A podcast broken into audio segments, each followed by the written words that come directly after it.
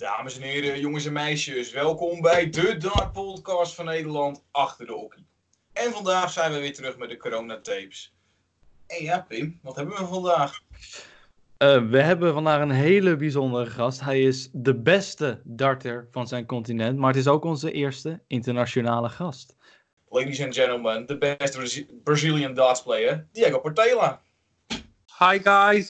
How are you doing in these Corona times?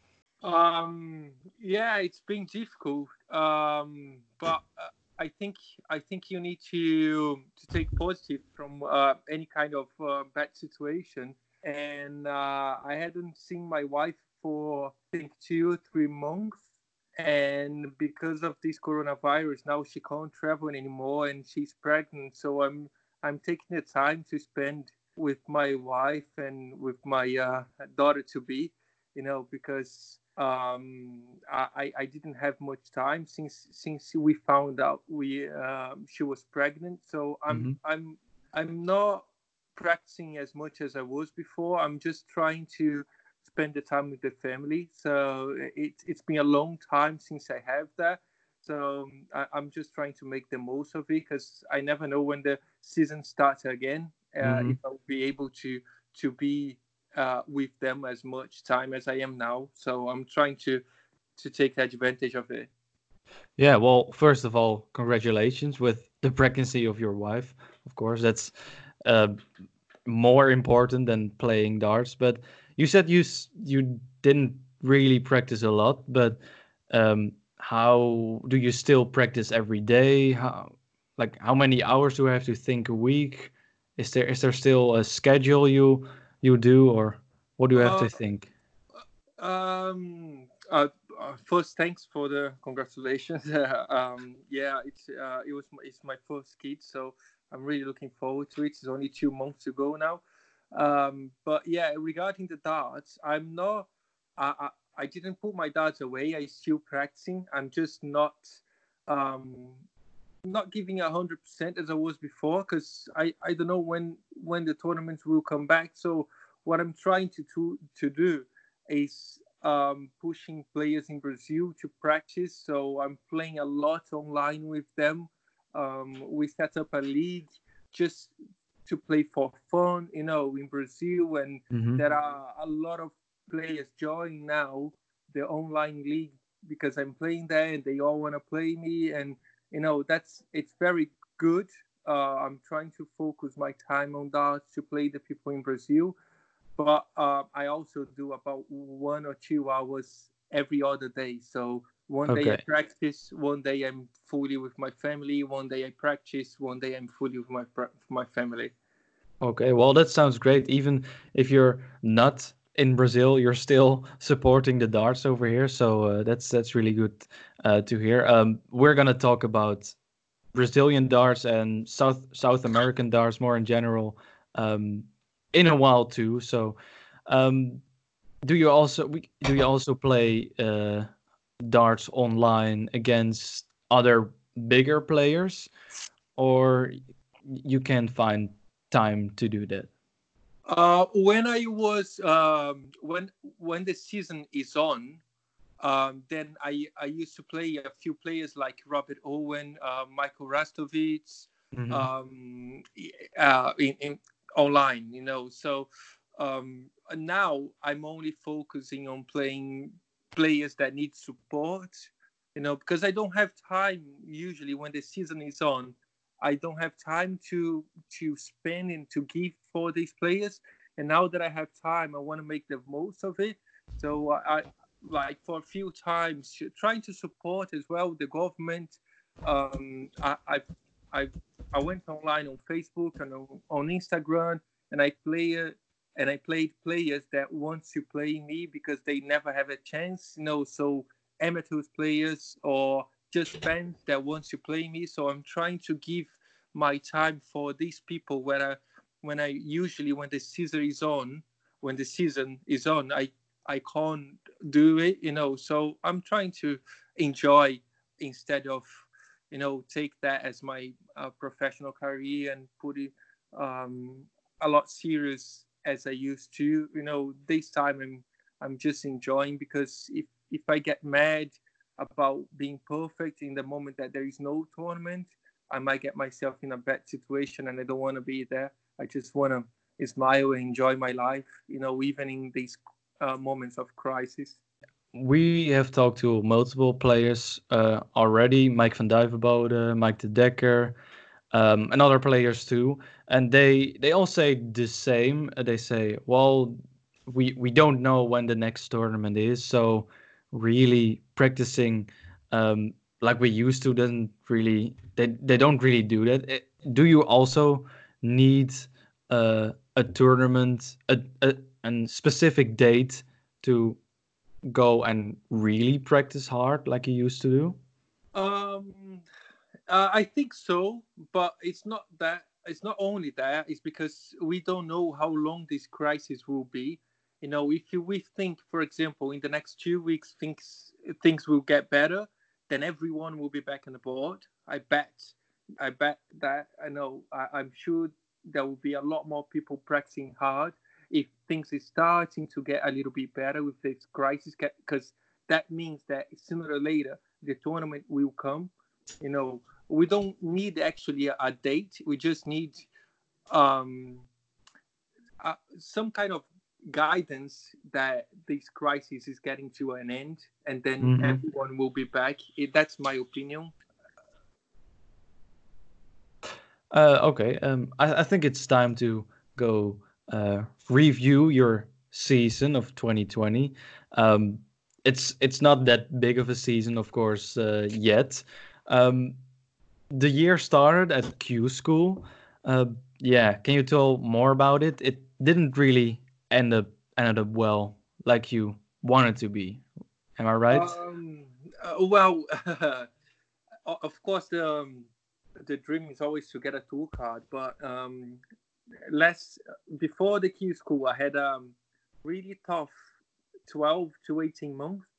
You know, I was trying to find myself again. I was trying to improve. I was changing darts and changing um, a little bit my my throw and uh, I, I, always I always try new things um, to see if I can improve. But the things I did, it didn't help me.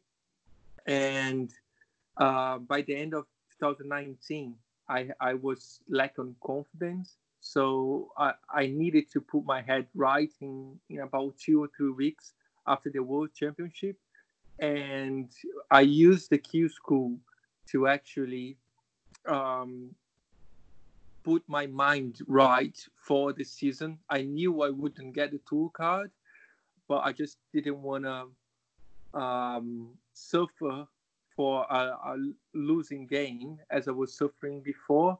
You know, because I was really, um, how can I say, I was really knocking myself out, and I didn't want to do that because I love playing darts, and I don't want to go to a tournament and come back uh, really upset or crying or you know really damage my self-esteem because mm-hmm. that's the things I, I, I love to do. So my i use the q school to put my my mindset for this year for 2020 and it went a lot better than i expected.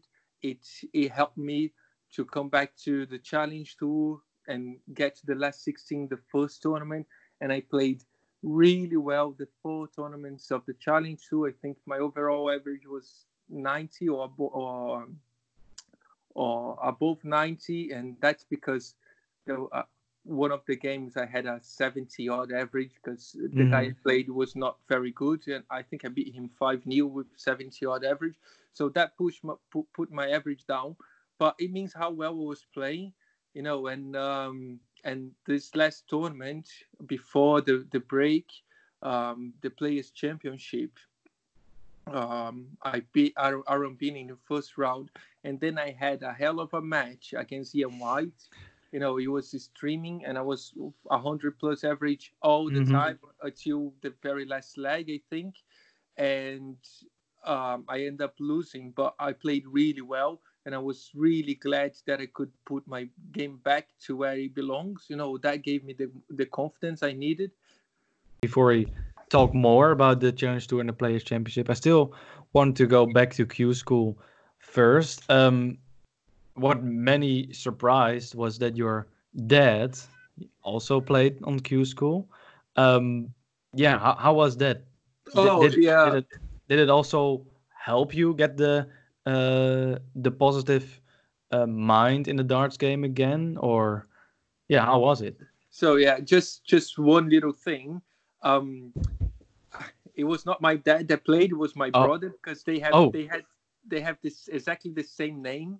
Oh, But- sorry, sorry. No, that's fine. But my dad was with me. He came here Okay. as a surprise for me, so he was following my games on the on the um, uh, in the Q school. Well, me and my brother, you know, and um, it's it's always nice to talk to someone that is um, more experienced than you. You know, um, they know how to treat tough patches in your life better Yeah. than you do. So I open up my heart with with my dad and it was it was just brilliant. It actually helped me a lot to to get over my my issues. So it was, was very good. And and to play with him watching me, it's it's always he always gave me an an extra two or three percent. You know, and I, I'm sure that some games that I won and some finish that I I took it out there, you know, mainly against Stephen Burton you know, I when I look back and I and I saw him, I just like, yeah, that Mhm. thank you know, it just just one person I could be grateful to. Yeah, it, it, your dad gave you some some extra power in those games. Yeah. Yes, definitely, definitely, yes. I think I think the main reason for my confusion was also that I know that your father uh, played a big role in Brazilian darts. At least he he was a darts player, right? Yes, yes, he was that player from um, well, since I was born. Before I was born, really, he always played. Uh, he always was big, uh, top maybe three or five in Brazil of all times. Mhm. you know and um yeah even now that he doesn't play anymore he's still sponsoring tournaments he's still sponsoring uh, federation and even that players to go to tournaments so he doesn't doesn't get any money back um, but he does this for for love really and yeah he he always played and he will always play he will he will always play a big big side in brazilian dart federation really I- It's almost an obvious question, but was he the reason for you to play to start playing darts? Yes, he was. Um, not because he pl- well, it was because he played darts, but not because of that. It was just um, I never had to. I never had time to spend with him because he moved to to a city about 500 kilometers away, Hmm. um, and he had another family. You know, he was split with my mother when I was two, and I never had time to to spend with him really. It was about 10 days a year. And when I was 15 or 16, I decided to play few tournaments in Brazil just just to see my dad, you know, just to meet with my dad. And I could not even I, I didn't even want to throw darts. I just want to register myself to be in the same room as him. And yeah, things started from there and I play a, a few games and I won um, and I beat a lot of good players in Brazil in my first tournament. And the second tournament, I think we traveled together. We we shared a room, and to me that was unbelievable sharing a room with my dad. Mhm. And and since then we became like best friends, you know. And that's why I decided to make one step over and and maybe give something back to darts because I really own darts, something that's very important to me. You know, and yeah, I'll, I'll, I'll never, I, I will die fighting for that to make darts big in Brazil and South America. Yeah, That's my dream. it, it almost sounds like a like a movie. The story of you becoming close with your dad because of darts. That's that's that's a great great story. Maybe one day become a movie. Yeah, yeah. if I make, if I made, uh, if I make a world champion, that would be some some story to tell. It would be a great doc- documentary, definitely. Yeah, hopefully. yeah. Okay, let's let's go to the challenge tour. Um, well, 2000, 2018 was your year. You won a challenge tour. Um, the first player from South America to do so. So that's a big accompli- accomplishment, of course, but also for you indi- individually. Um, uh, yeah, 2018 was a big year. You did well. Um, 2020, the start at least, didn't really went that great. Of course, the first tournament you got into the last 16, which is a fine result. But after that, it didn't really went like you want to be. I think so. Do you do you have any reason for that? Um, no, I don't have any reasons. Uh, I'm working on it. Um, t- uh, 2018, as you said, uh, I, I reached my my peak, I think. Um, but uh, I've had a few setbacks um, in terms of knocking on my confidence. Every every year was um, getting one step back, every uh, one step forward. Uh, every year I was improving myself, and in 2018, although I won the challenge tour, I I didn't see the improvement. So I start changing things in 2019 and that was when things went wrong because I didn't change it to the better. I changed it for the worst. So in 2020, my only goal is come back to the game I was in 2018 and let the results tell. You know, when I I came back to my old darts, I came back to my old um, equipment, flights, shafts, points, even points that was changing. Now I put the points that I won the challenge tour. So I'm mm-hmm. basically trying to replicate my good form of 2018 back again. And it's been working because there's a lot of things that people can't see uh, behind the scenes. So I've been playing really well, not only practicing, but in local tournaments. And I, I've won more tournaments in three or four months, uh, three months this year than I mm. won than I won in entire 2019. So that that means that my game is back. I just yeah. need I just need to come back to the the uh, professional circuit and show it that you know. Yeah, well, I think the one chance you had on Players Championship uh, Tournament Eight, um, except of course in the game against Aaron Beeney where you didn't really had to show that big of a level. You already talked about a really high level of a game against uh, Ian White. Um, yeah, you lost the game, but still, was that game a confirmation about your um, your level getting uh, yeah, higher yeah, again? Uh, um, I think I knew my my game was already back in there. I just needed to prove you know. And although the numbers in the end against against Aaron Beeney didn't show it, but if you have a look, I was five new up, and uh, I was averaging. I think I was averaging uh, above ninety. Mm. You hmm. know, so it was only after five new that I dropped my level because it it was it's something that I I learned from it because I relaxed. Everything was going in and I was taking my doubles and I was taking my time. But then to make to make the sixth leg, I took too much time, you know, and I, I will never let this happen again. If I if I'm five new, I will I'll, I'll, from now on I will just kill the game because I I fell after he made two or three legs. I fell under pressure, and I should never feel under pressure when you five new up, you know. Mm-hmm. So I was playing well, I, of course, I didn't play as well as I played against Ian White, but I had time in that game, and um, I instead of going for bull shots, I was going to 18 to leave 16, and then instead of finishing first dart, I was finishing three darts. No, these things drop to your average, but it doesn't mean you play a lot worse. I, I was playing as well as I was playing against Ian White.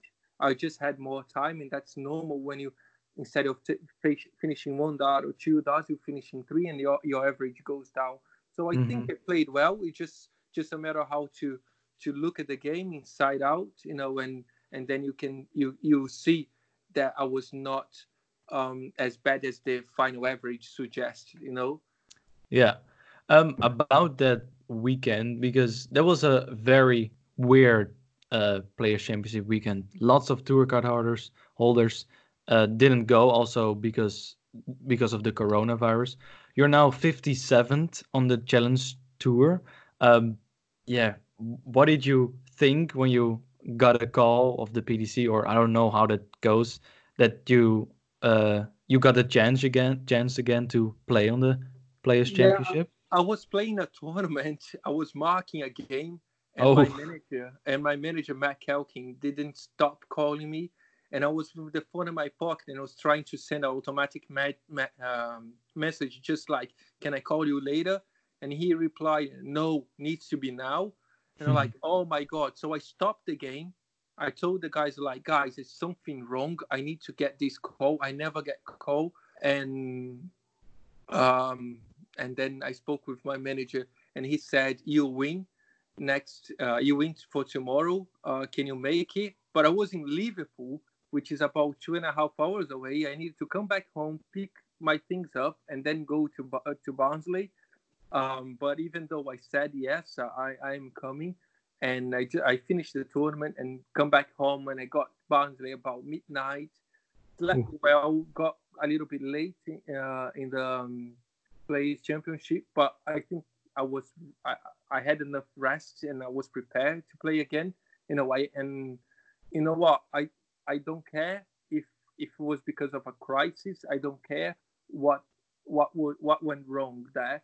I just took the opportunity and I was ready to take the opportunity and I show everyone that it's not because I'm 57 players in the uh, in the challenge tour that I cannot play with the against the best because my game is better. My game is back, and I feel better than ever. You know, when opportunity is there to be taken. If it wasn't me, someone someone else would. And I don't care if it, half of the players had to go home. I care that I was there and I was ready to to take the Mhm. opportunity. About the World Cup of Darts, uh, you played the World Cup of Darts with three different uh, players: Alexandra Satin, Bruno Rangel, and Arthur Valli. I'm sorry for my how I No say the names. You actually Okay. did well. okay, okay, thank you. Um, well, the big question is: Is there going to be a fourth different player? Um, it, it will probably be yes. It Yes? probably yes. Okay. There are there are. I think there are three main competitors this year, and none of them is one of my partners before. Um, my brother has been has been practicing a lot with me here, and he sometimes when his game is on, he is unbelievable. He's so natural, and he can go there and win if he gets his his mindset. Um, there is another guy called João Vitor. That is a guy that I am mentoring in Brazil. Mhm. He's he's been playing only for one year, but he's already finished a nine darter leg. Um, so that's that shows how good the guy is. Um, he he's been playing with against players the average 45, 50, but he's average around 85 in the, the tournaments in Brazil. So he's a very, very um, interesting player. He doesn't have the experience. He's young. He's only 18. He might get nervous in the qualify, but he's one to look at. And my old teammate from Brazil, Bruno Amaro, uh, we, we used used to play PES together, and now he's back in the game after a five years break, and he's been been practicing a lot, and he's got experience. He has already represented Brazil um, in in I, I I don't even know how many uh, tournament international tournaments. So I think it will be a, a one of these three to get this year.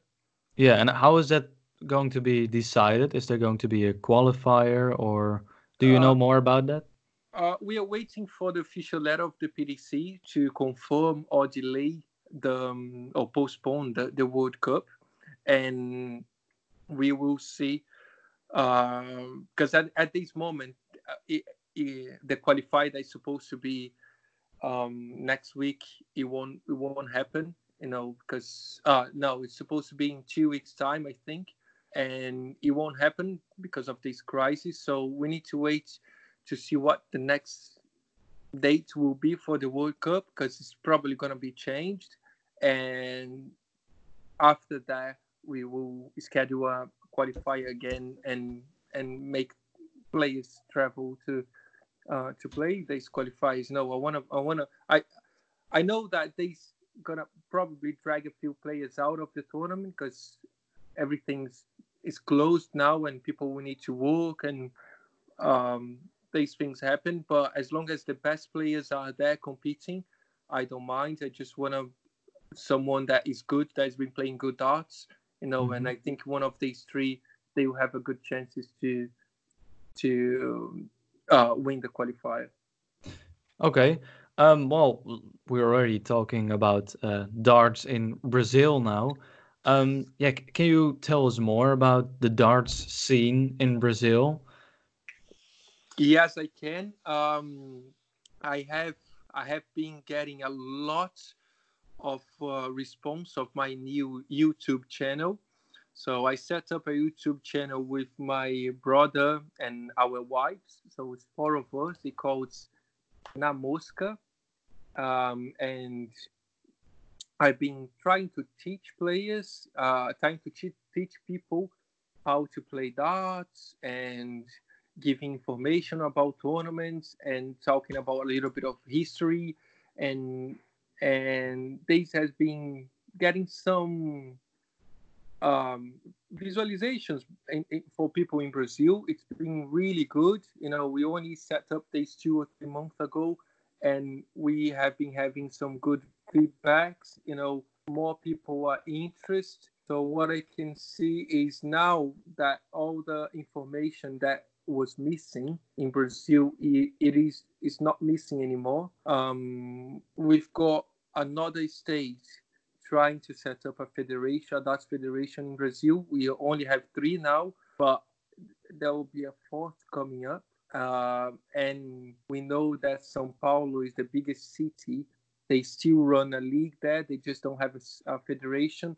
So that will be the um, if they come back uh, to to the Brazilian Darts Federation, they, they set up a São Paulo federation um, there will be more federations than ever in Brazil. So I think the work's been been do been getting done there, and I'm really happy for that. You know, I'm trying to help as much as I can in Brazil. Mm. Yeah, you you are living in England now. Is it difficult to help Brazilian darts?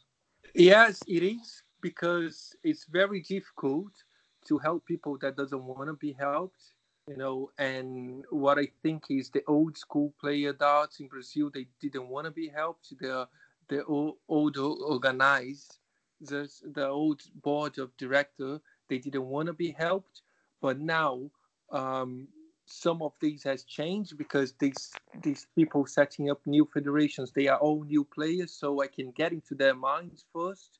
And in rio they had changed the, the board of directors as well so I, mani- uh, I managed to get a re- very good deal with them to work alongside with them, and they changed a lot of the format, a lot of the rules, the old rules, you know.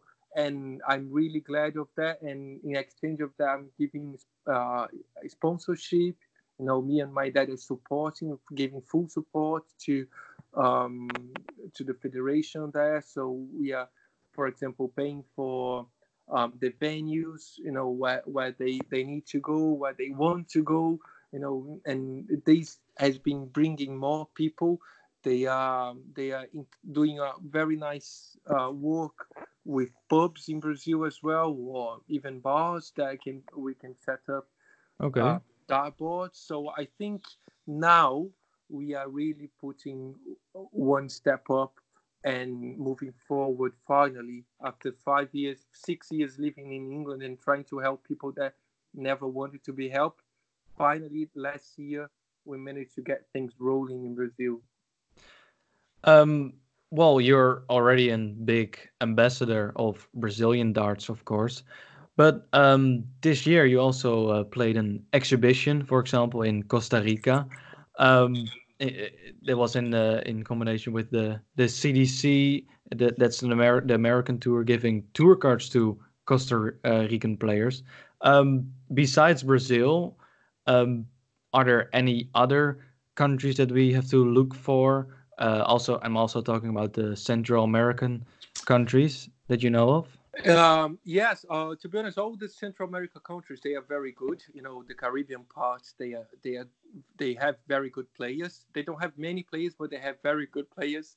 There's one player in particular which has already played in the uh, PDC World Championship. That is uh, Sudesh Fitzgerald. Uh, I don't Mhm. know his last name. Yeah, Yeah. but he's uh, Fitzgerald. Yeah, so he's a very good player, uh, left-handed, very natural. He doesn't practice, but every time I, I go up against him, he just put a, a different level of game. You know, he's You- very good. You played Uh, it. You played him on the exhibition, right? I no, not in the exhibition. I played him in the final of Ah. the uh, qualifier last year of the um, Oh, World- that's World right. Championship qualifier, and I beat him just just six four. You know, so he raised his game up really well against me. He's getting used to play me now, and that's dangerous because sooner or later, I know he's he he, he will be there to to take the title, and I don't want this to happen. But but I would say the better structure that we have now in South America is from Costa Rica. They are doing a very nice work. They have about they are just a small small country, okay? They have about three to four hundred players, and they all in the federation. They all play the tournament. So I think when you have this level of competitive playing against each other, sooner or later there will be a Diogo Portela from Costa Rica as well making the move. You know, I believe that because they are they are smaller than Rio. Rio is just a state in Brazil. They are smaller than that, and they have a l- ten times more players than we have. You know what I mean? So I think there is a nice job coming from them, and there's there's opportunity will come for them sooner or later. Mhm. Well, let's hope those Costa Rican tour card holders uh, actually participate in those CDC events uh, too to get some uh, some more experience. Experience. Um, if I if I um, understand you, then most of the development now is in Brazil and in Central America. But if you look at countries like Argentina, Chile, is there something going on over there too, or not that much? Yes, there is, and um, we uh, we all. It's it's hard because I don't have a team of, of people to to do the work for me. So I'm only in Brazil once a year, and as much as I wanna do the job, I need to spend time with my mom, and you know, because I don't see her. I only see her one, two, two weeks um, uh, a year. So when I'm there, I wanna spend time with my mother family as well. But um, that we we've been in touch with people from Chile. I don't know much what's the work in progress in Chile, but I know they have a lot of players as well. In Argentina, I am um, well. I consider two um, big friends of mine since we start doing this um, this work in South America. They are working as much as they can, but the economic crisis in, in, in Argentina is just terrible. You know, we are setting up to do one of the PDC qualifiers or maybe one exhibition like I did in Costa Rica. We are set up to do these in Argentina as well. So I'm working really close with these guys, but I I don't have much time, you know, and this is one thing that I need a peop, um, a group of people, you know, maybe a team to support me, but because there is no much there is no money involved, it's hard to find the right people to do the job. So I'd rather take it, it, slow, you know, Mhm. uh, step by step, than rush into something that I will regret later, you know. And I know that there is federations in, in Colombia as well. Panama reached us last year. Um, we are. I'll probably do my next exhi- exhibition in Panama because it's close to Costa Rica. Um, Guyana, they do have a nice structure there. Uh, I want to come back to the Caribbean as well because I've been two or three times for the Caribbean Cup. I qualified this year, but I didn't have. Um, well, this year is a, a little bit different because I'm getting my first kid, and she she's born. She will be born roughly the same dates as the Caribbean Cup, so I couldn't do. Uh, and you know, there's a lot of things going on, but I want to come back to the Caribbean and maybe open the mind of the people in Caribbean as well. And they never, never, never step forward. So I want to make sure they they change the patch and and go to the right direction. You know, that's that's what I want to do. But if they want to, they don't want to help, then what what what what more can I do? You know. Mm-hmm. Well, let's hope uh, the development in the future of uh, South American, Caribbean, and uh, Central American darts will uh, will continue. And I think I think your work definitely uh, helps uh, with that. Um, before we we end this podcast, we always have um, one small part, and it's about good story we've heard from. Well, this time another player because we interviewed, uh, we talked to Mike De Decker uh, a Belgian yeah. tour card player.